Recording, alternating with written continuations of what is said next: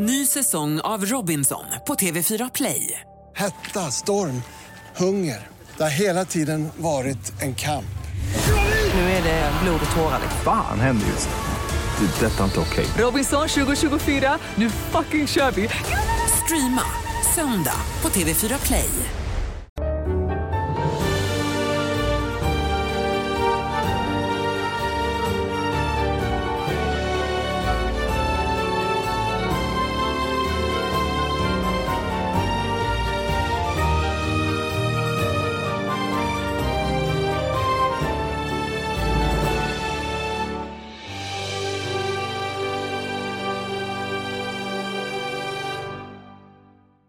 Då hälsar vi hjärtligt välkomna till ett fredagsavsnitt av Big Six. Det finns som vanligt mycket att eh, prata om. Det har spelats Midweek eh, fotboll och som vanligt har jag med mig Fabian Jalkemog Jalkemog? Jalkemo heter det ju. Som är lite småsliten. Det blev några öl igår. hänger, ut, hänger ut mig direkt. Eh, ja, det måste nej, man få göra. Ja, nej men det, var, det, det blev några öl igår. Eh, så det var trevligt. Några gravöl då kanske efter förlusten då mot eh, Brighton. ja, exakt. Nej, jag så, satt på ett tåg och sen så um, såg jag att några, några kompisar var hemma i Norrköping. Eh, så det blev, det blev någon öl som var tanken att bli en som kanske blev tre. Eh, men pigg och fräsch ja. och motiverad. Och jag måste bara säga, det var, det var kul efter förra avsnittet. Vi pratade ju om Big Sam som har har klarat livet och vi, du börjar prata om en miljon för de här fyra matcherna.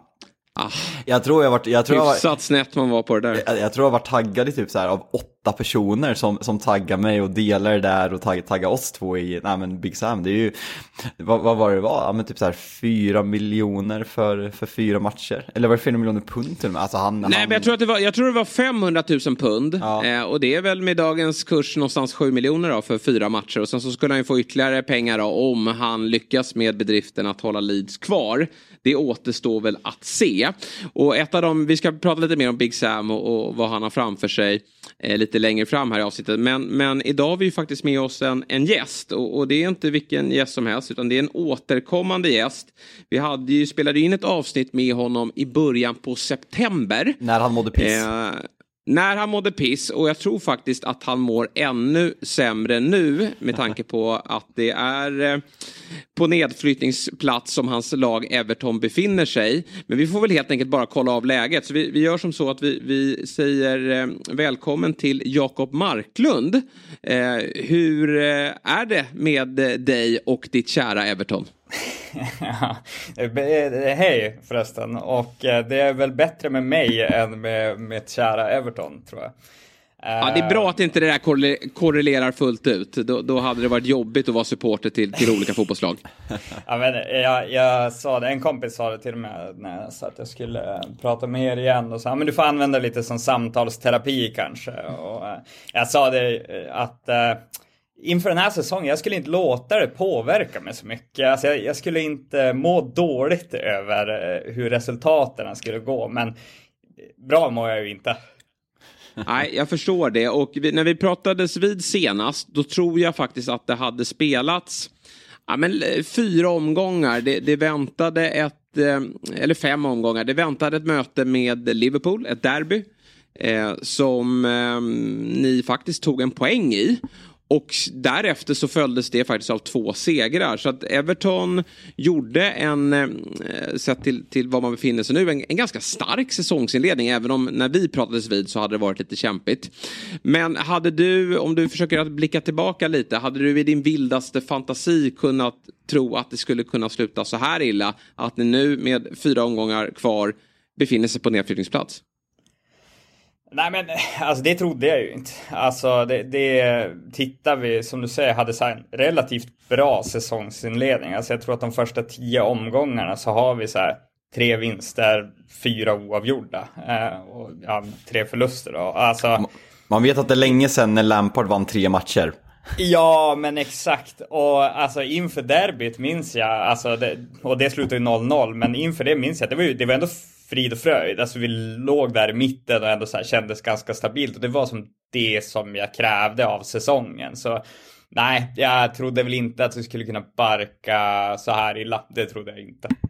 Nej, och tittar man tillbaka på just det derbyt också så var det ju en imponerande insats. Det är klart att Liverpool stod väl inte för någon eh, supersäsongsinledning. De har ju haft en, en, en tung säsong överlag. Men, men jag minns att Everton stod, tog kampen i den matchen och visade att det, det ja, men dels finns ett förtroende för tränaren, att man, man jobbar hårt för honom och hela klubben.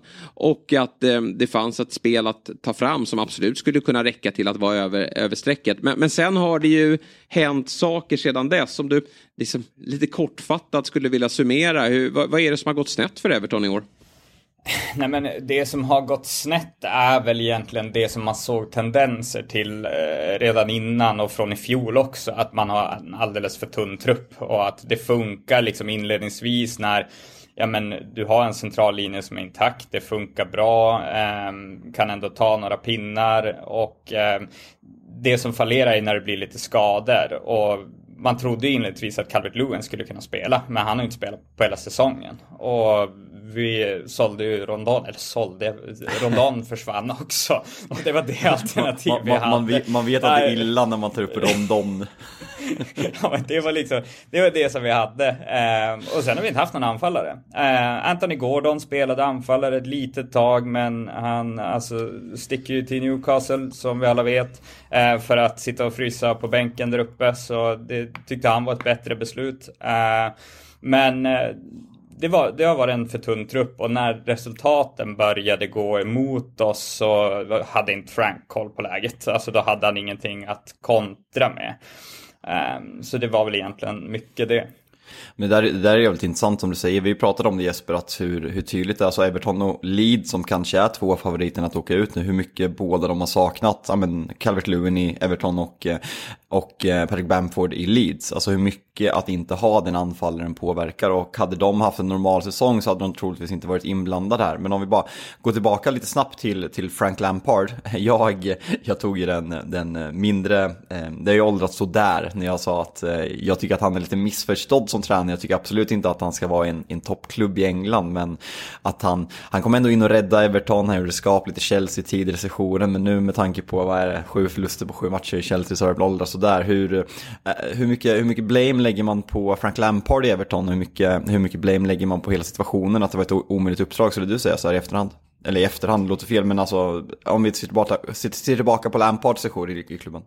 Mm. Nej, men jag, jag hade också förtroende för Lampard och jag visste att han hade gjort ändå bra grejer i Derby. Han hade plockat fram lite unga killar i Chelsea, det gick helt okej. Okay. Men jag tyckte att han borde få bättre förutsättningar och tid liksom. Men nu, nu ser man ju hur det går med, med bättre förutsättningar också. Att det, det, är kanske någonting annat som, som saknas där också, vilket är lite sorgligt med den stor, storspelare som han ändå var. Um, men nej, alltså han, eh, jag funderar fram och tillbaka om det kanske så här, var det bra att vi höll oss kvar i fjol? Jag vet inte. Alltså för att det vi gick in med i den här säsongen är ingenting bättre än det vi hade i fjol. Och Calvert Lewin har varit mer skadad i år än vad han var i fjol. Eh, vi går in i januari, eh, värvar inte en enda spelare. Eh, och vad är det? det? Det finns ingen som kan göra någonting av de förutsättningarna. Skulle vara Big Sam möjligtvis. ja, precis. Och, och sen är det ju som så också att om man tittar tillbaka, det var ju problemen fanns ju där redan i fjol eh, som du är inne på. Men då hade man ju Richarlison. Eh, Calvert Lewin var ju också skadad, även om han inte var lika skadad i fjol så, så um, fanns han ju där. Men, men framförallt då Richarlison som klev fram. Man sålde honom. Eh, ingen, eh, någon, eh, alltså, man var inte i närheten av att plocka in en ersättare till honom och sen då när, när Anthony Gordon ändå säljs för, för stora summor så tycker man väl borde att, man, att man borde ha tagit det här på allvar och plockat in någon i, i januari. Men, men det uteblev också. Och det antar jag är på grund av att den ekonomiska säsongen, äh, ekonomiska situationen som, som ställde till det. Det är 100% det. Um, eller 100% ska jag inte säga. Det finns ju några procent som är att det inte är en särskilt attraktiv klubb att spela för just nu. Uh, också om vi ska vara liksom självrannsakande.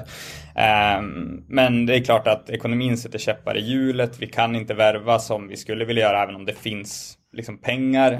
Um, men eh, i grund och botten så tror jag också att det är problematiskt att vi inte är en särskilt attraktiv klubb. Man visste ju att man skulle komma i så fall till en klubb som kommer att slåss om för att hålla sig kvar snarare än någonting annat. Eh, så det var ju ändå så några intressanta namn på gång, bland annat eh, heter han Danjuma som går till Tottenham där. Eh, som ändå Just hade ja. kunnat liksom... Bortglömd vara- jävla spelare.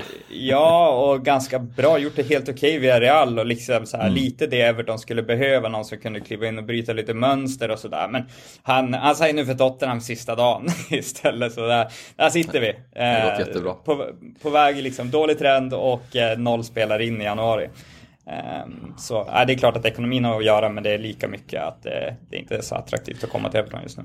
Men jag måste fråga som, som supporter, om vi bara tar supporterperspektivet. Eh, du, eh, ja men alltså Everton har ju varit, ja men rätt om jag har fel, det är väl den klubben som har spelat är längst i högsta ligan utan att åka ner. Och du har ju ändå vuxit upp med en, ja men en jävligt stabil klubb. Alltså om man bara går tillbaka, ja men när Moyes var i klubben där, jävligt charmig Everton med Tim Cahill och Mikael Arteta och Leighton Baines som, ja men utmanade om snudd på Champions League-platser och var jävligt bra. Och sen har det ändå, ja men varit bra Everton lite under Martinez, haft höjd, när Ancelotti kom in och liksom kanske lurade klubben att man var på en bättre plats än man egentligen var. Vad gör det med dig som supporter att vara i den situationen ni är nu? För jag kan tänka mig att det är jävligt svårt, för ni har ju aldrig varit i närheten av att vara där ni är. Nej, alltså så är det. Och det, det som man känner mest är hur distanserad man har blivit i klubben. Alltså kring besluten som har tagits de senaste åren. Att så här, eh, allting som har varit det man har älskat med Everton. Det här kring People's Club och liksom att det har varit så familjärt. Det har varit hårt och tufft. Och att komma till Goodison har liksom varit en mardröm för alla lag. Oavsett om det är ett topplag eller bottenlag. Det har alltid varit tuffa fighter. Men successivt senaste tre åren egentligen så har det ju som supportrarna och ledningen glider bara längre och längre ifrån varandra. Och det här är någonting som man har sett i andra klubbar också. Jag menar Newcastle var ju på precis samma resa. Ehm, så det är väl egentligen, det man känner är väl någon sorts sorg. Eh, egentligen. Eh, att det har blivit så här, att det känns som att någon har kidnappat ens klubb lite grann. och eh, man, man hoppas ju in i det sista att det liksom ska vända, men eh, nu kanske jag är onödigt pessimistisk, men jag ser ju ingenting just nu som eh, att, att det ska vända annat än om Moshiri säljer klubben. Ja, eh, det har ju skett eh, kanske inte så många förändringar i spelartruppen då som du hade hoppats på. Men, men på tränarbänken fick ju då till slut Frank Lampard lämna. Sean Dyche kommer in, en sån här klassisk eh, lösning när man eh, ja, någonstans försöker att fokusera på det defensiva, primitiv, enkel fotboll bara för att eh, säkra ett kontrakt. Fick ju en, en bra start. Från ingenstans så tvålade man ju dit eh, serieledarna Arsenal i, i, i den första matchen. Men sen har min känsla, jag vet inte om du delar det, men, men han har ju lyckats kräma ut en, en del så här, lite Liverpool-insatser. Alltså där, där laget jobbar väldigt hårt men, men har väldigt svårt att vara produktiva och, och skapa målchanser. Men, men där man har liksom fokuserat på att eh, eh freda målet bakåt och sen eh, i bästa fall kunna stånga in en hörna eh, så att man eh, lämnar matchen med poäng utifrån det. Men, men eh, att, att ju längre det har gått så har Sean Dyche tappat lite det från sin spelartrupp. Att lojaliteten för att jobba sådär hårt inte riktigt har funnits där hela vägen. Delar du, med- delar du den åsikten eller ser du annorlunda på det? Nej men det gör jag ju. Alltså det, det är som, som sagt när, när Sean Dyke blir klar. Det är ju inte så att man ställer sig på vardagsrumsbordet och liksom jublar. Det, man vet ju vad som komma skall. Det är, Nej, det är inte mer- De Serbi som, som kommer in.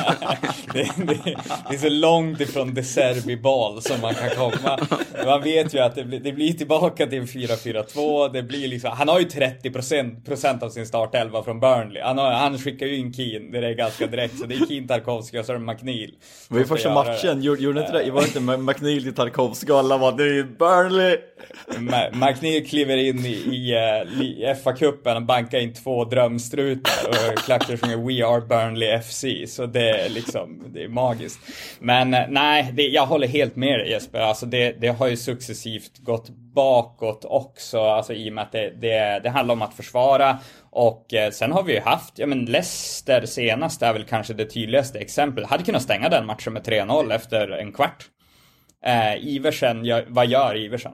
Alltså räddningar. Nej, det är en overklig insats Jag faktiskt. kunde ändå relatera till det på Twitter när man får ut dansk jävel i versalen.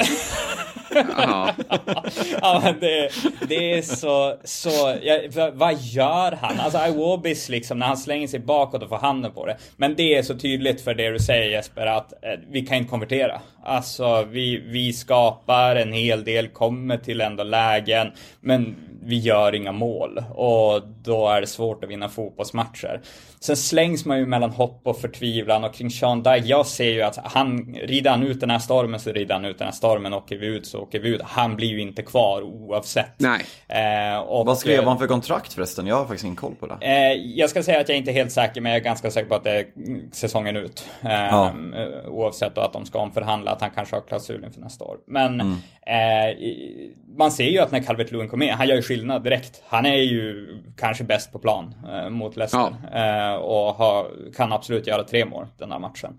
Så eh, jag, jag tror att eh, Sean Dyke blir inte kvar oavsett.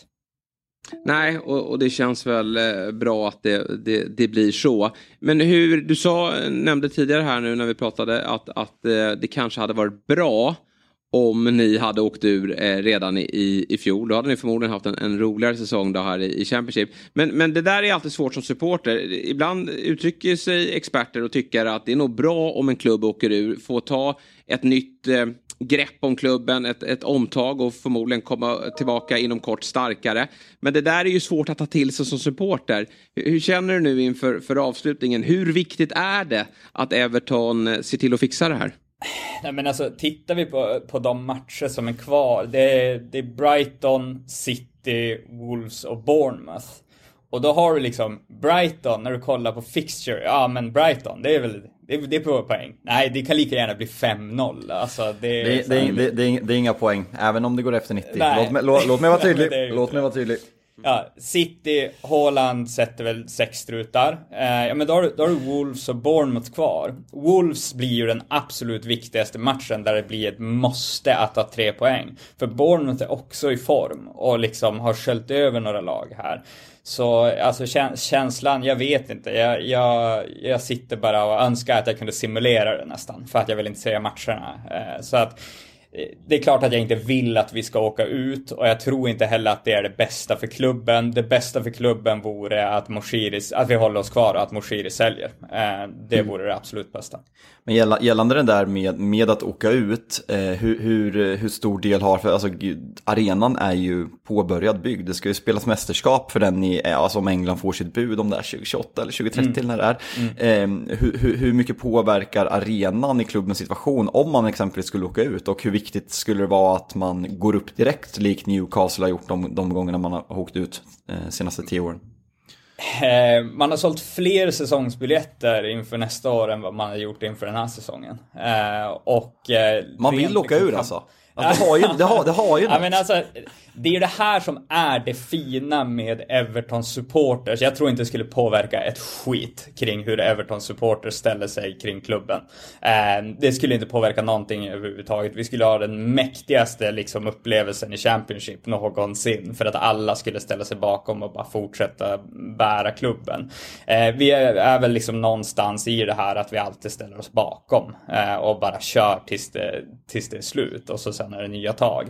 Men eh, rent förutsättningarna för vad Everton skulle kunna göra med den här nya arenan förändrar ju allt. Alltså de kan ta in det upp till, jag tror är 30-40% mer kapacitet. Och de har alltså över 40 000 personer som står på väntelistan för att köpa säsongskort. Så alltså det, rent ekonomiskt så kommer den här nya arenan att förändra klubben i grunden oavsett om vi spelar i Championship eller Premier League. Fan, det låter mm. nästan lite Hur många alltså. spel Ja, precis. Nej, men vi bara kollar då på, på, på just redan nämnda Burnley då. Hur, eh, hur snabbt det kan gå och att det går att förändra en klubb. Men det gäller ju såklart att, att, att träffa rätt då med, med tränare och det är ju lättare sagt än gjort. Det, ju, eh, det, ser så lätt ut när Brighton lyckas två gånger på raken här med Potter och, och sen De Serbi och Burnley i form av company. Men, men, om det hade varit så lätt då hade ju alla klubbar gjort det. Så att det, det blir ju intressant att se oavsett om, om Everton spelar i Championship eller Premier League nästa år så blir det ju oerhört viktigt att, att man får in rätt tränare här nu.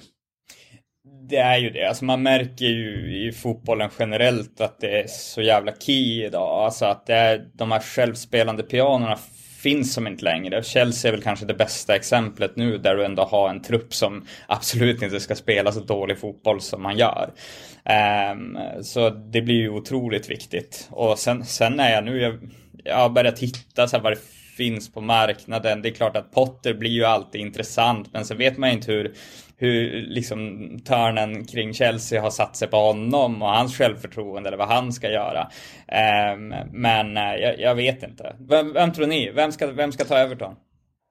Nej, det, det, är en bra fråga. Du, du, nämner ju Potter där. Frågan är om han väljer att ta ett så pass stort eh, kliv ner då. Eh, samtidigt så är det ju, alltså tittar man på Everton, de har ju haft ganska stora tränare i, i närtid. Jag, jag tänker på, alltså kanske inte det var rätt tränare ändå då, men, men Ancelotti och, och, och, Rafa Benitez har ju varit där i klubben. Och eh, det är ju förmodligen för att det finns ett, ett alltså, det, det, är en klubb med, med högt anseende trots att det, det är skrala eh, framgångar på slutet. Då. Brennan Rodgers då? Hade inte det varit ändå någonstans en, en jag tycker ändå att han är en, en skicklig tränare med, med erfarenheter men också som står för en, en tydlig idé där ute även om han har haft det tufft det senaste året. Ska vi, ska vi in i Liverpool-historien igen alltså? ja, det, det, det, har du ju rätt i. Men, men är han så Liverpool-kopplad? Är han så, det var så kort tid. Ja, ge, ge, ge Kenny Daglish ett halvår när han är ändå i farten. men det, det, är så jävla svårt med båda de tränarna du nämner Jesper, kan jag tycka, alltså Brennan Rodgers och kanske framförallt Graham Potter, alltså vad ja, men kanske framförallt i deras huvud, vad vill de? Alltså de, jag kan tänka mig att de efter de här stegen kan tänka mig att Brennan Rodgers, jag pratar om att jag tycker att Frank Lampard är missförstådd på, på visst sätt, vilket som sagt inte åldrats jättebra, men Brennan Rodgers tror jag känner sig extremt missförstådd. Han har gjort det extremt bra i Leicester, och, eh, men eh, tänker man på Brennan Rodgers, tänker man på att han fuckade upp Champions League två gånger med Leicester, han, han fuckade upp ligan som han hade en liten ask i, i Liverpool, och samma sak med, med, med Graham Potter, att vad vill han? Alltså vill han ta ett projekt, vill han ta ett färdigt lag? Everton på pappret är ju en bra mycket större klubb än, än vad, vad Brighton är. Det är ju bara att kolla på netspend de senaste tio åren så vet man att Everton har eh, förutsättningar och kommer ha förutsättningar. Så skulle Brennan Rodgers vilja ta sig an ett långsiktigt projekt så skulle Everton vara väldigt bra. Men det är svårt att sätta in sig i hans huvud efter, efter debaclet i Chelsea. Eh, jag har verkligen ingen aning. Jag har ju nämnt West Ham som, en, som ett passande projekt. Leicester har jag även nämnt så många men det, det är jättesvårt att veta verkligen.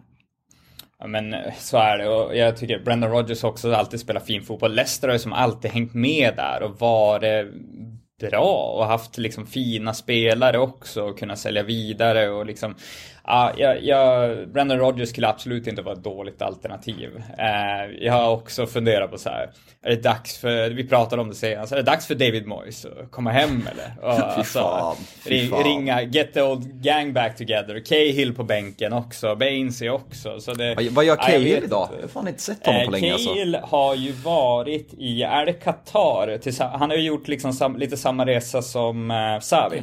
Ah, okay. eh, så han, han har varit uppe och snurra så det, det skulle också kunna vara någonting. Jag vet inte. Eh, det är ju som sagt ändå eh, fyra matcher kvar. Jag tycker ändå att matchen här mot Leicester, den hade, det, var ju, det var ju ett sjöslag. Det hade kunnat sluta lite hur som helst. Men, men Everton, eh, någonstans tycker jag ändå att de var förtjänta av att ta tre poäng. Det är som sagt danskjäveln i mål som, som stod i vägen där i början. Men det var ju framförallt ett, ett steg i rätt riktning spelmässigt. Jag tycker att det fanns ett mod i, i Everton, att man vågade kliva fram och att Calvert Lewin håller fysiskt. Det, det, det talar ju också lite för att Everton skulle kunna fixa det här. Men det är ju som sagt Brighton och Manchester City de två kommande matcherna. Ehm, eh, vad, vad ger du för Everton för chanser att, att eh, ordna det? Om du, om du jämför med, det, jag är säker på att du har koll på även att Leeds har ju tufft spelschema och, och Nottingham Forest är väl inte så pålitliga? Nej, absolut. Alltså vi, vi lever ju. Även om man sa att, äh, att Leicester var liksom ett måste för att ta tre poäng. Så vart det lite så här live to die another day äh, efter Leicester-matchen. Eh, det behövs bra insatser mot Brighton och City. Jag tror att ingen förväntar sig att det ska ta tre poäng mot Brighton och City, men det behövs bra insatser i ryggen för att gå in i Wolves och Bournemouth-matcherna. Eh, så det, det är Wolves-matchen, det, det, är där det avgörs tror jag. Ehm, och eh, jag, jag, är väl ändå optimistisk. Får Calvert Lewin vara hel och spela liksom resten, då har vi ett vapen och då har vi någon att sätta bollar på för att kunna ta fast liksom eh, och, och forma någon typ av spel. Så jag, jag tror att vi grejer det, faktiskt. Mm.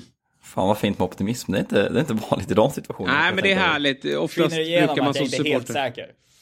Nej, det, och det, det, förstår vi väl. Men, men jag tror också att så här, Everton, jag är helt inne på ditt spår. Två bra insatser här, sen vad det leder i poäng. Ja, men kanske man kan nypa något mot Brighton som är lite slitna då. Har ju spelat mycket fotbollsmatcher här på slutet. Men, men ja, eh, Brightons stora favoriter där, City, eh, blir ju stentufft då. Även om de, eh, det är ju, det mötet sker ju mellan att eh, City ska möta Real Madrid. Och kanske att de har lite är lite ofokuserade, även om jag inte tror det. Men sen krävs det sex poäng i de två sista och då räknar jag med att Wolves och Bournemouth har säkrat sina kontrakt och då har de nog checkat ut och, och då bör det vara möjligt faktiskt att, att ta just sex poäng. Och sex poäng, det, det räcker nog faktiskt, eh, tror jag, för att man spelar Premier League eh, till nästa säsong. Vad, vad tror du, eh, Jalkemo, när du sätter dig in i den här bottenstriden? Det, är ju som något du säger att jag, jag har faktiskt inte koll på Nottinghams schema på, på rak hand men Leeds, hur mycket min nyfunna kärlek eh, för Big Sam än, än talar till mig så har jag svårt att se att man, att man får med sig någonting i de, här, i de här matcherna för deras schema är inte roligt. Eh, de kommer bli pulveriserade på Etihad på, i helgen eh, och sen så vad det efteråt? Är, är det, ja, men det, är väl, det är väl Spurs som man ska möta Newcastle efter det också. Så ja, precis. Leeds, Nej, Leeds har ju ett tufft schema. Jag, jag kollar på Forest här också. De har ju Southampton hemma i nästa. Tyvärr då. Ja. Där, där, där, blir det ju tre poäng av allt att döma. De är ju starka hemma. Men sen då. Visst, vi, vi, vi har sagt att Chelsea inte tar en poäng till. Men någonstans spelar väl de för sin heder. Och, och de möter ju, Forest möter ju Chelsea på bortaplan. Ja, men där bara måste ju Chelsea vinna. Sen möter Arsenal, äh, vet du det, Nottingham möter Arsenal. Och, och, där tror jag inte heller att de kan hämta något. Och sen är det Crystal Palace på bortaplan i sista omgången ja. då. Så det är ju inte ganska omöjligt att Forest bara tar ganska, tre poäng. Ganska ja. likvärdiga scheman med Everton. Så det är liksom, ja men det är ju liksom man up. Alltså ska man hålla sig kvar så är det att förtjäna det. Eh, jag ser ju Leeds åka ut, alltså om jag ska säga någonting, någon tydligt så står det mm. mellan, mellan Nottingham och, och Everton för mig om sista platsen. Jag tror att Leicester kommer greja det och det är ju grund och botten för att man, man är det bästa laget. Eh, man har den mest fungerande truppen. Jag tycker ändå att Dean Smith har fått någon, någon effekt på det där laget. Alltså vi pratar om Sean effekt i början och att man är tuffa på hemmaplan. Men det där är ju stagnerat. Det är det som talar emot Everton. För man har ju inte fått den där effekten som man kanske trodde och att man lurar sig själv att man hade inledningsvis. Mm. Ja, intressant. Eh, och eh, vi hoppas ju verkligen att vi eh, får behålla Everton. Dels för att det är väl det laget med, med flest säsonger i högsta ligan och det är en, det är en ja, tradition som vi inte får bryta. Och sen så framförallt då vill vi ha med dig Jakob i Big Six även nästa säsong. Annars får vi ta ett litet uppehåll på ett år. Och så kanske vi, eh, eh, i sådana fall ringer vi dig vid den här tidpunkten nästa år då, när ni, när ni har säkrat Premier League-kontraktet och att vi ska börja snacka upp Everton. Ja, exakt. Det är jag som ska vara, vara bakis Fabbe. Så farligt är det ja, inte. precis. Nej, härligt Jakob. Eh, jättekul att du ville vara med oss och stort lycka till nu i, i, i slutspurten. Verkligen. Ja, men tack så mycket. Jag räknar med att det, det avgörs väl i sista omgången. Då kommer jag sitta där och må piss. Och vi, eh, vi föras. det gör vi. vi tack så mycket. Göra. Ja, det bra.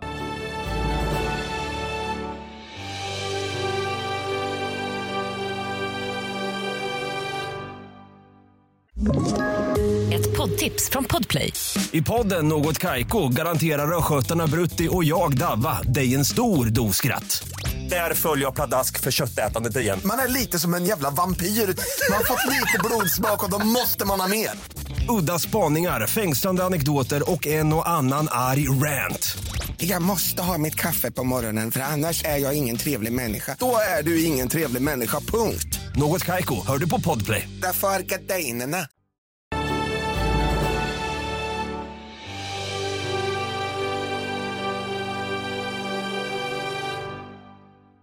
Intressanta rapporter från bottenstriden. Det blir väl mer av den varan då när vi ska snacka upp helgen alldeles strax. Men först ska vi ju gå igenom det som har hänt i veckan. Vi släppte ju ett tisdagsavsnitt och eh, samma dag då, på kvällen där, så var det ju ett London-derby och eh, ja, det har inte hänt särskilt mycket i Chelsea. De fortsätter att vara klappkassa och eh, nu är det väl sedan Lampard klev på då, för eh, några veckor sedan.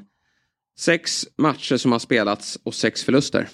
Ja, jag lyssnade på Gary Nevilles podcast som han spelade in efter den här matchen. Eh, och han sa att Ja men alltså, shambolic, alltså att det är en, kanske den värsta insatsen han har sett av så på pappret bra fotbollsspelare någonsin. Och det är väl bara man är bara beredd att hålla med. Ja, alltså jag, jag går tillbaka till mitt Manchester United, alltså den, den säsongen Manchester United hade förra året efter man sparkade Ole Gunnar Solskär. Ralf Rangnick kom in som någon, någon jävla frälsare som alla tysk romantiker hyllade upp som liksom fadern av gegenpressen och att han skulle förändra allting och prata om hur han sa rätt saker på presskonferenserna men sen såg man liksom spelarna, alltså, de, de vill ju själv dö på plan eh, och man vill ju själv dö som supportrar. Men det här är fan ännu värre. Alltså vad, vad fan är det som pågår i den här klubben? Jag, jag, jag har så svårt att sätta ord på det, så jag, eh, vi satte mig i utvisningspåset och de ska fan vara kvar där. Men den här insatsen var en ny nivå av uselhet och ovärdighet. Jag förstår när man ser supportrar på sociala medier som skriver alltså spela, spela juniorerna resten av säsongen. Alltså de här spelarna, sätt, in, sätt inte på er tröjan. Alltså ta en semester, mm tänk på rannsaker själva vad fan ni håller på med. Och jag kan tycka att det är trött att folk ska hålla på med och driva om Frank Lampard, hur, hur många matcher han har vunnit den här säsongen, eh, ja men den, den, i, i, år 2023. Eh, det här är inte Frank Lampards fel. Och jag är, inget, jag är ingen liksom raketforskare som, säger, som tar den spaningen att det inte är Frank Lampards fel, men det här är rotat på så kort tid att saker kan sättas i väggarna och att hur en agerande från en sportchef och det säger någonting i paus när, när Chelsea-supporterna står och sjunger i katakomberna på, på Emirates om Roman Abramovic. Den liksom, ja. E-, efter den problematiska situationen, problematiska situationen låter som jag underdriver det, men ni vet vad jag menar. Med Ryssland och allting och cancellerad han vart. Och ändå står man och sjunger hans namn. Det har fan gått långt när man ligger under med 3-0 på Emirates i, i paus och står och sjunger om en rysk oligark som man vill ha tillbaka. Eh, det, nej fy fan vad vidrigt skött. Det, alltså jag njuter, låt mig vara tydlig. Men jag, jag kan känna med dem, det kan jag ändå göra. Ja, nej men det är eh, häpnadsväckande det som det håller på att utveckla sig till. Då. Nu, nu får man ju vara glad att man har ganska stor buffert ner till strecket ändå. Eh, för det skulle kunna vara som så att Chelsea inte vinner en fotbollsmatch till men eh, det kommer ändå räcka till att spela Premier League nästa säsong. Men eh, jag kan inte minnas faktiskt i någon liga där vi har en så pass stor jätte som eh, underpresterar eh, så kraftigt som eh, Chelsea gör den här säsongen. Det finns säkert jättemånga exempel men jag kommer inte på det just nu i alla fall. Jag håller med dig om att Frank Lampard eh, inte ska kritiseras allt för mycket. Han kommer ju till en Nej men en, en, en patient som ligger på dödsbädden. Att det, det är eh, det är inte mycket kvar att... Eh, det, det, är svårt att rädda den här patienten. Men jag, jag, tycker ändå att kliva ut... Alltså laguttagningen. Varför startar Aubameyang på topp i den här matchen? Jag, jag, kan inte påstå att de andra har varit särskilt mycket bättre. Men, men var det några som ändå kom upp i någon eh, någorlunda nivå Eh, under, under tidigare tränare så var det väl ändå Kai Havertz och, och Joao Felix var ju ett idiotiskt lån. Men, men han har ändå någonstans visat någonting även om det inte har blivit eh, jättemycket i, i poängprotokollet. Han, det är möjligt att han har någon skavank men, men han kom inte ens in i den här matchen. Jag, jag tycker så här, Aubameyang, att, att skicka ut honom med hans historik och det han har sysslat med de senaste åren det visar ju på att man inte har förstått någonting i form av Frank Lampard det här. Då. Alltså jag vet inte om man vill ha en reaktion, eh, att ha med något, något sånt att göra. Men det går ju inte att få en reaktion av Aubameyang, då får man skicka ut en junior. Ja men exakt, det är dit jag vill komma. Att ska, ska du få en reaktion och liksom sätta ner foten mot, eh, ja, men mot Kai Havertz och, eh, och eh, Joao Felix. Det är, liksom, det är inte Aubameyang du ska sätta ner foten med. För Nej. Han, är liksom, han är helt utcheckad, han kommer lämna gratis till Barcelona i sommar, i sommar med all, all sannolikhet. Och han har väl, jag såg någon, såg någon statistik på det här på Twitter, jag har absolut inte faktakollat den, men att han typ hade sex bolltouch varav fyra var avsparkar. Alltså han är så jävla dålig. Och kollar man på det här laget, alltså offensiva trean, det är bara, alltså Madueke kanske kommer bli jättebra, jag vet inte. Men Aubameyang och Rim Sterling, alltså att City fick 50 miljoner pund för den här jävla sopan. Och att han, jag vet inte om man, om man har, har dålig respekt för Sterling, att man liksom dömer honom. Men har, har han typ lurat folk att han har varit bra för att han har spelat så jävla bra lag? För helvete, nu när han spelar i ett icke-fungerande lag, vad svag han är. Ja, och det, det, här klubbvalet blev ju inte bra då på så sätt att eh, det är ju lätt att vara efterklok. Alltså någonstans hör Chelsea av sig med, med eh, alla de muskler som finns i den klubben och ambitionerna som fanns där. Jag menar Tuchel som tränare tog in honom. Det är klart att det lockar, men man ska ju veta med Sterling att det var ju en nedåtgående trend, trend redan i, i City. Och att då gå till ett lag som är på väg, ja men att det, de, de störtdyker. Det, det, det är ingen bra kombo. Så att just nu ser ju Sterling helt urusel ut och, och City släppte ju tre spelare så, eh, inför den här säsongen. Alla de tre på plan eh, här. Och eh, då, då konstaterar vi att det blev lite bättre för Sinchenko och Jesus. Ja, nej men alltså det, det, är ju verkligen upp och ner på de där försäljningarna. Eh, men just Sterling så känns det verkligen nej, tragisk utveckling. Alltså tappat sin plats i engelska landslaget också. Och mm. eh, jag, jag, jag vet inte ens vad jag ska säga om Chelsea. Alltså jag, nej, skit i Chelsea då. Ja. Hemmalaget Arsenal gör ju det de ska göra. Och, och starkt, gör ju starkt en... att komma tillbaka. Alltså efter de Absolut. poängtappen man har haft. Och liksom, det känns som att många supportrar har, har gett upp. Men att man gör den här första halvleken. Ödegård har väl fått lite kritik. Jag har sett att han har varit liksom no-show i, i, i de flesta stormatcher den här säsongen. Att han är den som, nej, med binden på armen, gör två mål i den här första halvleken, säger ändå mycket. Och det, det var ändå fint att se liksom stämningen på Emirates, när man, ja, men även in, innan matchen. Eh, och eh, framförallt efter den här första halvleken, att man, det finns fortfarande en tro. Eh, och kanske naiv tro, men det är det som är supporterskap. Det är jävligt fint. Alltså City ska åka till Everton och vi får skratta åt Everton, men folk nämner ju alltså good, kokande jävla Goodison. Alltså det, det, saker kan ske där. Jag, jag tror inte att City tappar poäng mot Leeds i, i, hemma i helgen, men sen ska man till Goodison och sen är det två tuffa matcher mot Brighton och Brentford på bortaplan som avslutar säsongen. Så det är där eh, Arsenal-fansen kan ha sitt hopp. Eh, så det var ändå fint att se att man, att man slutar tillbaka efter en jävligt jobbig månad. Ja, det skulle ju bara kunna vara som så att det dör i helgen då när de ska faktiskt till St. James' Park. Men, men jättefin match. Martin eh, Ödegard kliver ju fram här och eh, visar ju att han är en aspirant på att vara med i säsongens lag. Det gör han inte bara i den här matchen. Han har ju haft en helt otrolig säsong. Men det är fint även att han, att han inte bara är en assistgubbe och, och slår hockeyassister och är navet på mittfältet. Utan ska man säga ta klivet till att vara världsklass. Vilket jag tycker att han nu är på väg att ta. Då handlar det också om att hamna i, i poängprotokollet. Att, att göra mål. Eh, och, och, det är en ruskigt fin säsong han gör. Och det här ska ju sägas att han gör också som lagkapten och det kan ju vara ett, ett ok att bära men, men han visar ju att han eh, bröstar den rollen och Eh, är absolut toppklass. Ja, nej, men det, det, det, ska bli så jävla kul att se det här Arsenal bygga vidare.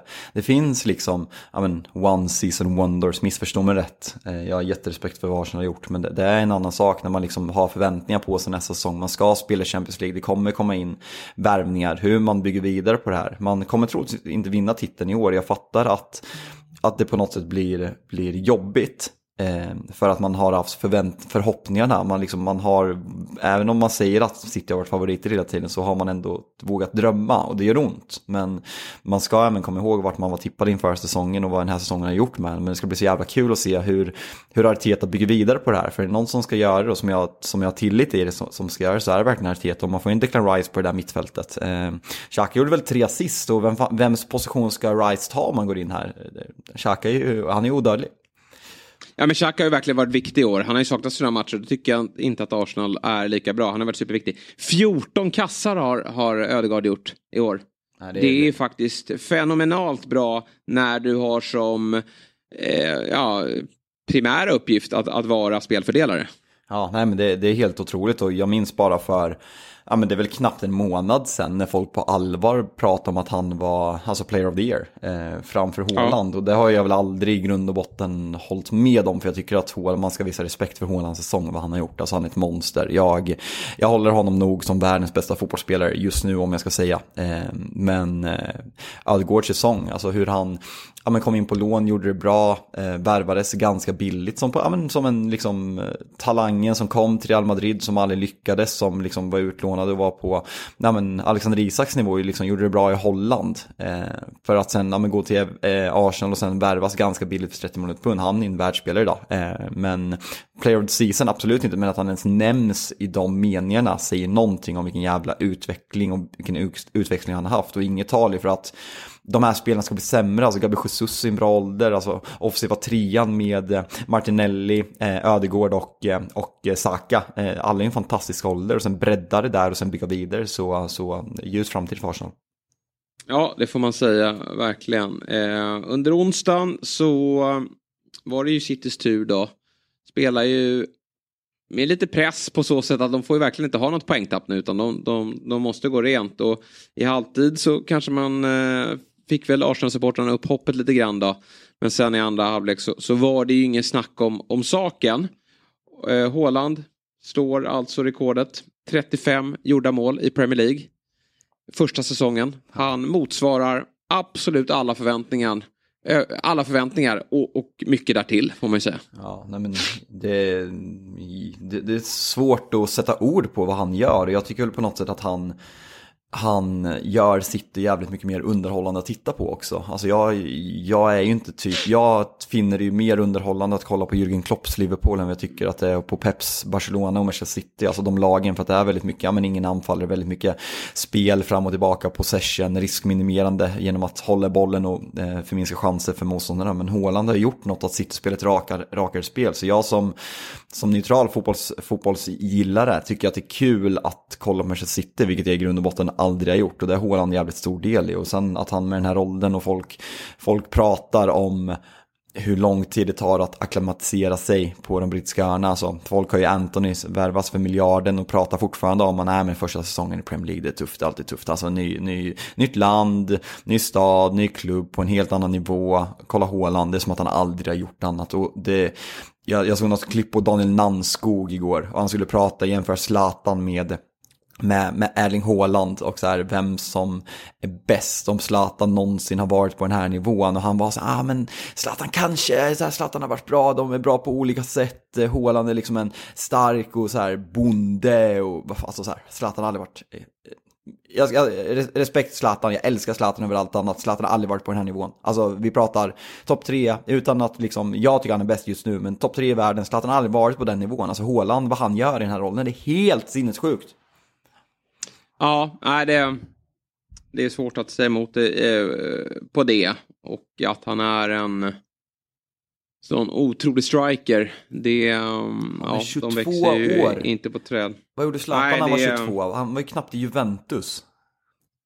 Nej, nej, så är det ju. Sen eh, höll ju Zlatan sin karriär vid liv väldigt länge. Får se hur länge Haaland kan vara på, på den här nivån. Men jag håller med dig, den här höjden har ju faktiskt Zlatan aldrig varit en osatt på. Han gör det faktiskt i, i världens bästa liga också. Visserligen i, i, i världens kanske bästa lag, men, men det spelade ju faktiskt Zlatan i också i Barcelona och då, då gick det ju inte lika bra. Så att vi, vi får ju motvilligt hålla norrmannens höjd i alla fall eh, på, på eh, en, en lite högre nivå. Sen tycker jag att han hittar ju han har börjat hitta Jack Grealish på ett väldigt bra sätt eh, på planen. Eh, utanför har det inte varit några de verkar vara jävligt tvivel nära där. polare. De, ja, verkar vara väldigt bra polare. Men jag tycker så här.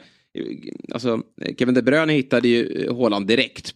Och det var kanske inte så förvånande att de två skulle klicka. Men nu tycker jag att Jack Grealish. Han har ju gjort den där vänster eh, anfallspositionen till hans egen. Och han behöver bli lite bättre på avsluten. Det känns som att han kommer till väldigt många lägen. Det är Haaland som sätter honom i väldigt många lägen. Men, men han är också väldigt bra på att sätta Haaland i, i, i lägen. Så att de har ju en, en, en jättefin relation här. Eh, City som för övrigt också eh, vilar Ederson den här. Eh, Ortega får ju kliva in. Ställs ju inte på några prov men... men eh, Ja, det är så- Ta inte ut upp där, eh, jag är så jävla arg. Piss fantasy. Ja, du hade Piss- Ederson i kassan där. Piss Ja. pepp. Fan. Ja, den där var lite märklig att, att vilan skulle komma där. Men eh, Ederson eh, är säkert tillbaka mellan stolparna då, till helgen då, då Leeds eh, väntar.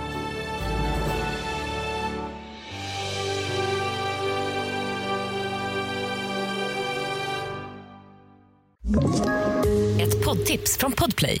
I podden Något Kaiko garanterar östgötarna Brutti och jag, Davva, dig en stor dos skratt.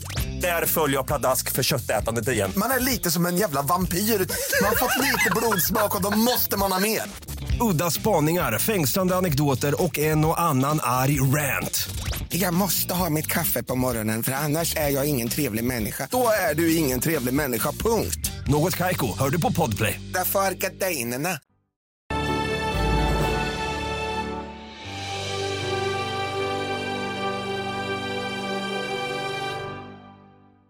Liverpool spelade samtidigt eh, i en underhållande match måste jag säga. Det var märkligt att den matchen bara slutade 1-0. Liverpool borde ha vunnit den här matchen med fler mål. Men för den sakens skull borde de faktiskt också släppt in mål. Det hade väl varit rimligt med, med kanske 4-2 eller 4-1 i den här matchen. Men Liverpool är bra offensivt tycker jag. De, de börjar känna igen dem tycker jag återigen i att de, de skapar det här trycket med, med bra rörelse och, och sätter klorna i motståndarna där, där eh, motståndarlag liksom inte kommer ur pressen. Sen handlar det om att göra mål eh, när de, när de har det här trycket också. Det lyckas man inte riktigt med här. Trent Alexander-Arnold är ju riktigt fin i sin nya roll. Vilken, eh, vilken drömposition han har hittat i att vara någon form av jag vet inte vad, vad har han för position ens? Det är bara en, eh, det är en fri roll. Ja, fri, fri roll. Ytterback i försvarsspel, sen fri roll. Nej, men fem, ja. fem raka och jag sa, jag sa förra veckan, eller i, om det var i tisdags, att eh, den här situationen med Jürgen Klopp, eh, när, han, när han drar baksidan, att jag inte blir provocerad av det för att Liverpool inte är en position som provocerar mig. Nu kände jag de är fyra poäng bakom, en match mindre, mer spelad ska sägas, så det är sju poäng om United vinner sin hängmatch. När de får den här straffen, Alltså det börjar provocera mig. Jag börjar kolla mm. bakåt. Det börjar bli läskigt. Alltså helvete. Alltså jag, jag, jag, jag det går inte. Alltså de, de, kan inte komma ifatt oss.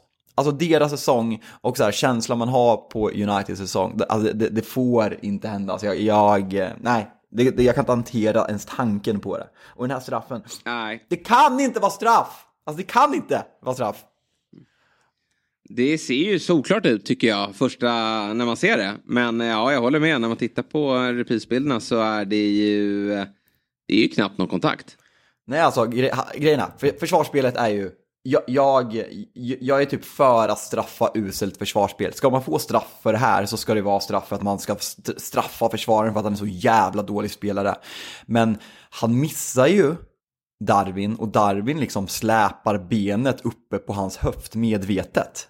Alltså det kan inte vara straff och folk kommer klippa av min när jag går upp i falsett här och liksom använda den mot mig eh, när Liverpool går om oss, vilket såklart kommer ske. Men eh, jag fattar inte, alltså när man har pissiga VAR som, som hjälpmedel att det här kan bli straff, jag fattar verkligen inte. Nej, men jag kan säga att Liverpool hade vunnit den här matchen ändå. Fabian Jalkemo. Eh, om det hade inte blivit någon straff där. De hade löst det. Det hade varit en annan typ av forcering och matchbild. Men ja, jag kan köpa att det är nu lite, det bättre. Nu lite frustrerande. Nu känns det bättre. Ja. Men eh, ja, Liverpool ser bättre och bättre ut. De kommer med stor sannolikhet att gå rent. Eh, det trodde jag inte att de skulle göra tidigare under säsongen när man har pratat om ah, bara de går rent nu. Men nu, nu har de ju verkligen ett bra schema och en bättre form. Även om det fortfarande är ihåligt bakåt. Men, men, men skit i det. Men de behöver nog liksom, lyckas göra fler mål. Men i den här matchen så startar ju Nunez. Han kan inte göra mål. Jota verkar ha problem med, med rygg och, och revben och allt möjligt. Han åker på smällar. Han behövs nog på banan faktiskt. För att både, alltså Luis Diaz, det, det är ju vad han behöver utveckla i sitt spel. Han behöver ju bli mer producerande på den här nivån. Eh, och, och Nunez behöver ju verkligen komma igång med sitt målskytte. Men eh, därför är Jota så otroligt viktig i, i den här typen av... Eh, för Liverpool. Det kan inte bara vara Salah som, som är det dödliga hotet utan Jota behöver ju faktiskt spela. Får vi se om han gör det till helgen då.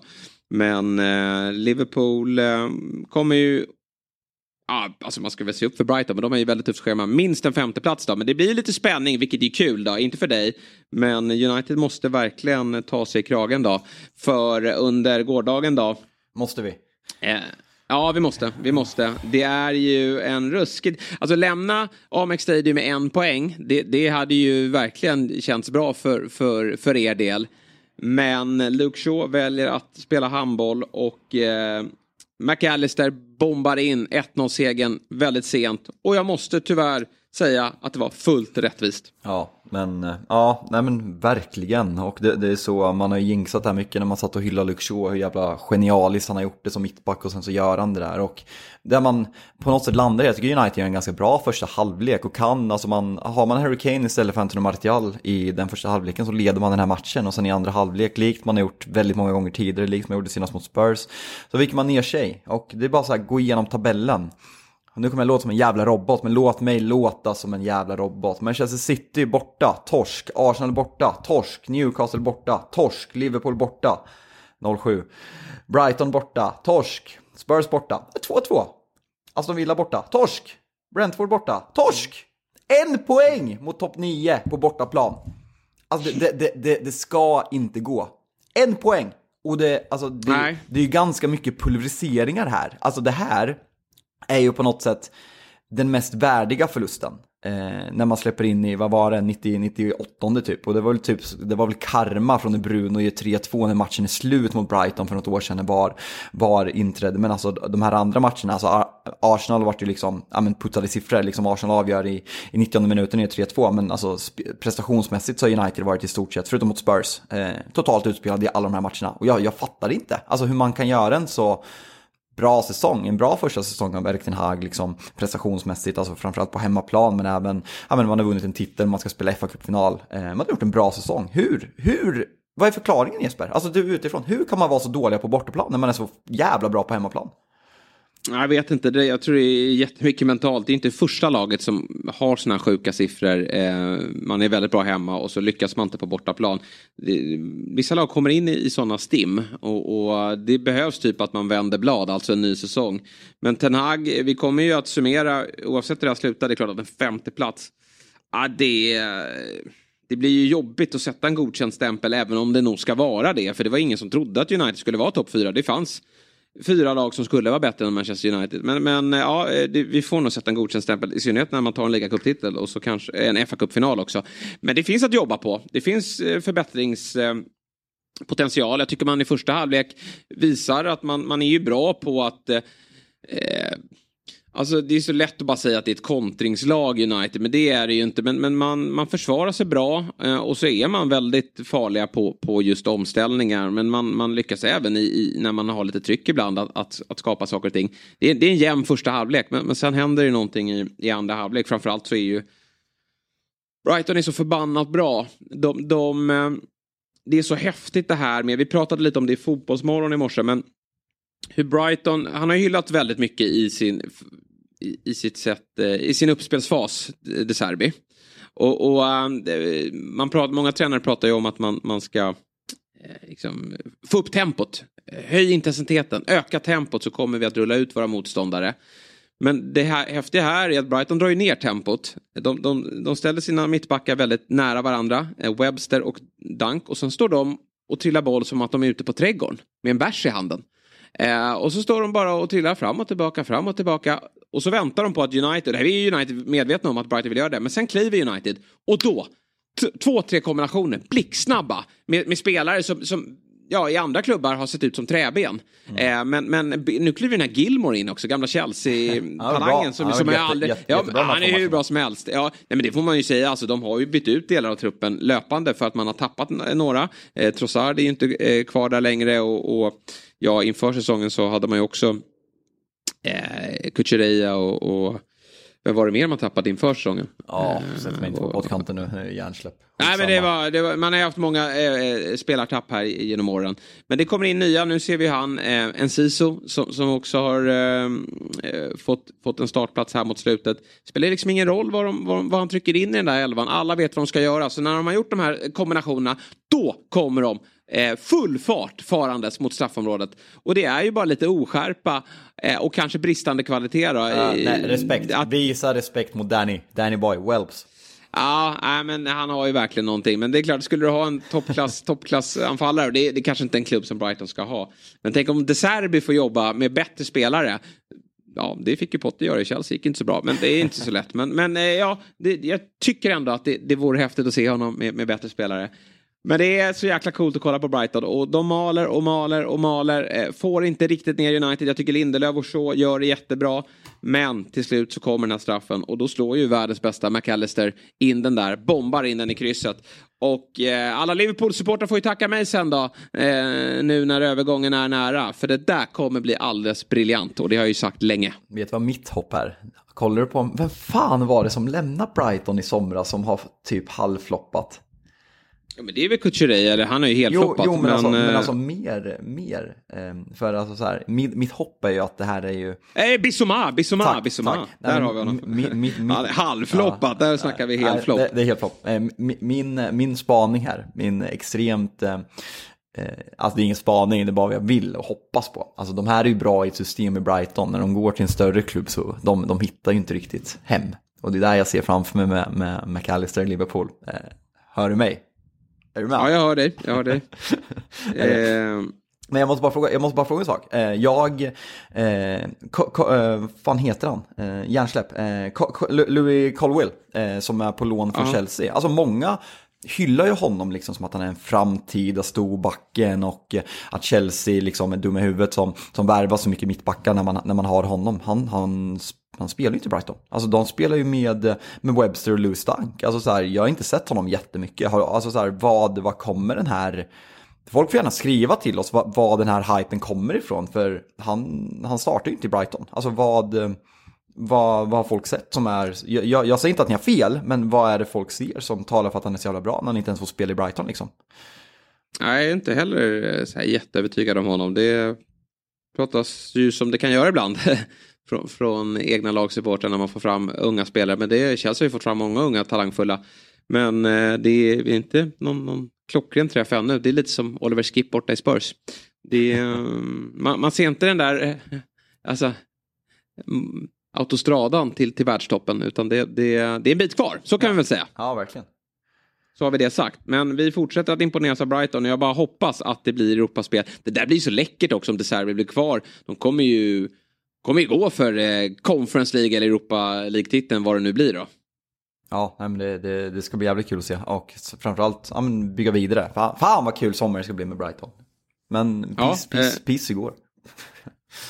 Eh, ja, det, det förstår jag att du känner och som sagt potential finns att förbättra det där United. Eh, även om det som sagt fanns även lägen att, att faktiskt kunna lämna den här matchen eh, med, med, med tre poäng. Men, men eh, fullt rättvist att Brighton vinner. Eh, det ska spelas fotboll redan imorgon. Då kliver Big Sam alltså in i handlingarna igen med i, lunchmatchen på Etihad och alla har väl tagit del av press, presskonferensen där han tydligt och klart redogör att han är ju minst på samma nivå som Pep Guardiola, Arteta och Klopp och gubbarna. Det finns liksom inga frågetecken där utan han har, eh, han vill inte säga att han är bättre men han är minst lika bra. Vad, eh, vad säger man? Eh, om, jag, om jag ställer frågan till dig då. Är det, tycker han det här? Eh, sen, sen, jag vill inte, jag vill inte, men den fultolkas ju lite. Alltså han menar ju inte att han är en bättre tränare, han menar ju så här erfarenhet, fotbollskunskap i grund och botten. Han, jag tror inte att han tycker att han själv är en lika bra tränare i grund och botten. Så den fultolkas ju lite. är Men ju- skitsamma. Eh, men hur mycket tror du att det här är ett extremt medvetet val för att ta fokus från, eh, från spelarna. Att lägga allt fokus på sig själv för att göra det lättare för spelarna att minska pressen på dem. Eh, eller är han bara så Nej, här är sjuk ju- i huvudet? Nej men det är väl rimligt kanske eh, att han, att han gör så. Då kan, men man, kanske att man uttrycker sig på ett an, eh, något annat sätt ändå. Ja, det, det var lite konstigt ändå. Men, men skitsamma, det är ju eh, lite drygt av sju eh, svenska miljoner eh, som trillar in på kontot för de här fyra matcherna.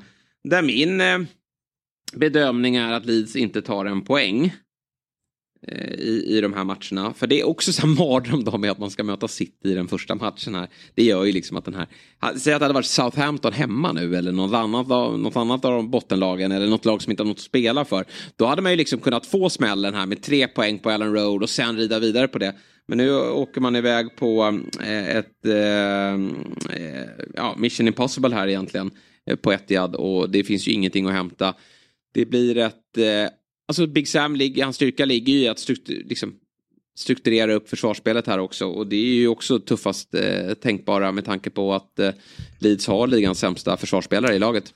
Just hade, hade det här varit hemmaplan så hade vi kunnat, vi pratade med, med Jakob om eh, Goodison att det liksom kan vara elektriskt och att man, man har galna supportrar oavsett om man ligger i Championship. Alltså Leeds är kanske den mest fientliga stämningen som finns i hela England och på den, på den hemmaplanen så, på, på den road så kan man slå alla lag. Men just att det här är borta, det är ingen rolig start alltså. Ehm, jag, jag vet inte om jag tycker att det var rätt att ta in honom till den här matchen, eh, kanske. Ehm, men samtidigt 0-6 i röven, då, då är det svårt att få dem att lyssna på din, dina, dina tankar och att man ska få Leeds från att gå till ett liksom högpressande intensivt lag. Han kommer att ställa upp med en femback och liksom, eller en 4-4-2 med, eh, med defensiv inriktning. Jag, jag, jag har bara svårt att se det ske. Eh, det, romantiska i mig vill ju, alltså jag vill ju ha kvar Leeds för rivaliteten, för supportrarna och för att Leeds ska ha en, en, eh, en klubb i högsta ligan. Men jag, jag har så svårt att se det med tanke på schemat.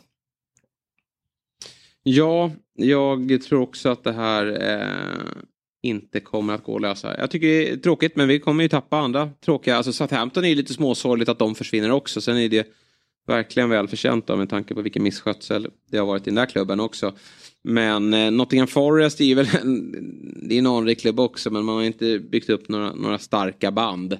Leeds hatar väl alla som, som har något lag i, i Premier League men det har ju inte jag så jag gillar ju stämningen på Ellen Road och eh, eh, har tyckt att de har, har eh, varit en, ett profilrikt lag men eh, ja vi får se vad eh, vilken, vilken väg de tar. Jag såg att eh, Viktor Orta här, sportchefen, lämnar också då. Eh, och det, det är väl på sin plats eh, med tanke på det, det, det, det Man har ju ändå jä- spenderat mycket pengar. Ja, men det är ändå ett jävla statement att låta sportchefen lämna med fyra om, omgångar kvar. Sen var det så här mutual agreement, men det är liksom det är en sparkning. Alltså, jag tror inte sportchefen påverkar så jävla mycket de sista fyra matcherna. Så det, det är ett jävla statement att man, att man klipper honom nu liksom.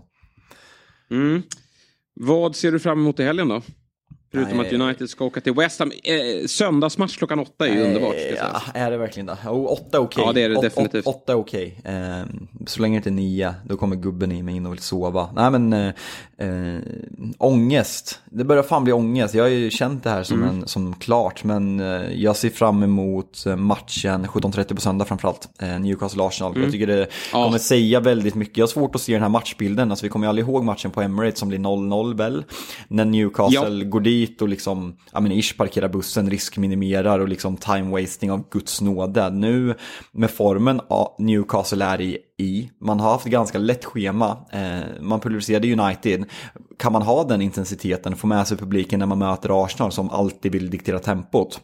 Jag kan liksom inte se på förhand hur den här matchbilden ska bli och Arsenal tar man chansen, man måste vinna, annars är ligatiteln Citys. Eh, det, är liksom, det kommer inte ske att, eh, att de vänder på det om de inte vinner den här matchen. Så eh, det, det blir en jävligt intressant match och det ska bli kul att se hur mycket Newcastle har klättrat på det här, ja, men de här tre månaderna kan man väl hårdra det till, när man har gått från ett jag kommer ihåg inför, inför ligacupfinalen när Erik Ten Hag på ett pro- provokativt sätt pratade om att Newcastle är överlägset det här laget som har bollen minst i spel i sina matcher för att man är väldigt riskminimerade och vi pratar om ja, men, Trippier och den där backlinjen, hur bra man har gjort den. Nu har man helt plötsligt blivit ett offensivt lag med flärd och det- kanske det här laget som tillsammans med City gör mest mål i ligan. Eh, hur står man upp mot Arsenal? Ska bli, ska bli jävligt kul att se.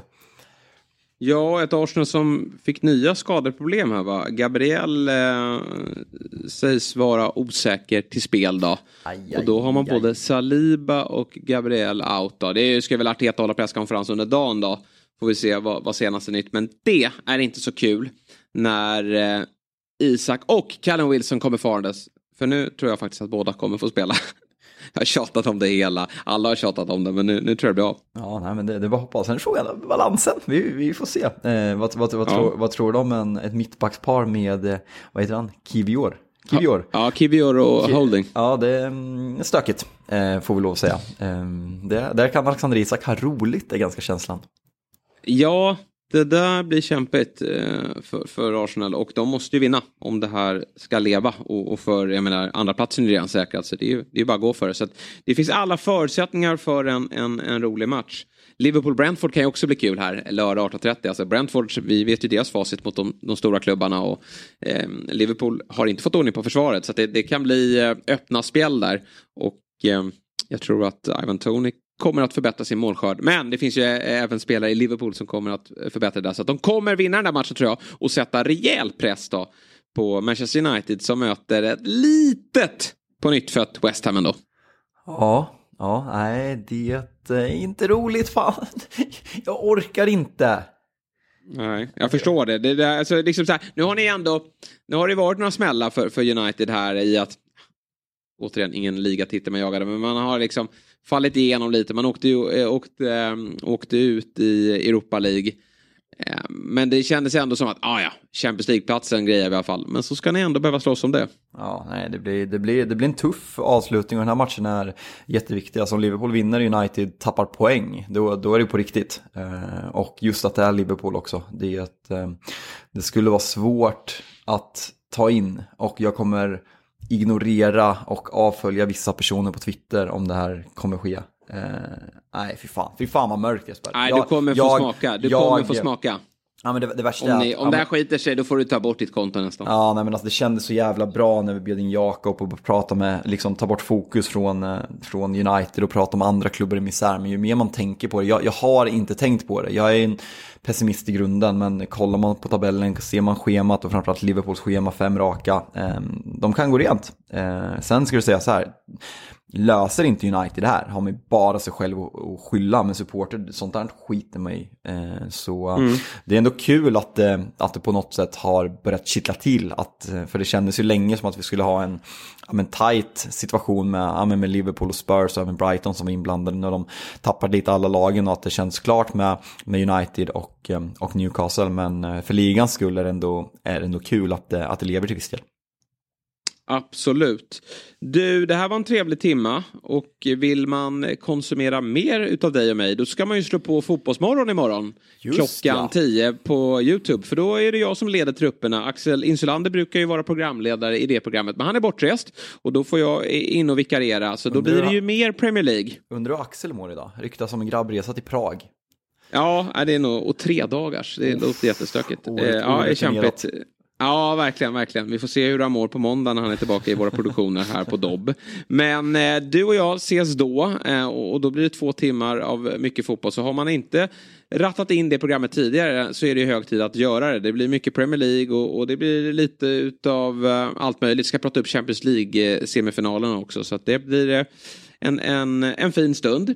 Eh, så med det sagt då, tack Fabbe, vi ses imorgon och tack till alla er som har lyssnat då. Vi får väl sikta in oss på ett måndagsavsnitt igen då eftersom det är så sen match på söndag. Ja, men eh, 22 22.30 inspelningen hoppar vi nog. Eh, Så kör vi på, på måndag. Blir, eh, blir superbra. Och eh, får vi troligtvis höra med med ännu mer ångest. Då får ni njuta av. eh, Så det blir kul. Trevlig helg på er. Ja, tack så mycket för att ni har lyssnat. Eh, trevlig helg som sagt.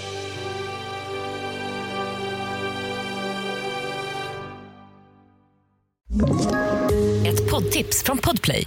I podden Något Kaiko garanterar östgötarna Brutti och jag, Davva, dig en stor dos skratt. Där följer jag pladask för köttätandet igen. Man är lite som en jävla vampyr. Man har fått lite blodsmak och då måste man ha mer. Udda spaningar, fängslande anekdoter och en och annan arg rant. Jag måste ha mitt kaffe på morgonen för annars är jag ingen trevlig människa. Då är du ingen trevlig människa, punkt. Något Kaiko, hör du på Podplay. Därför är gardinerna.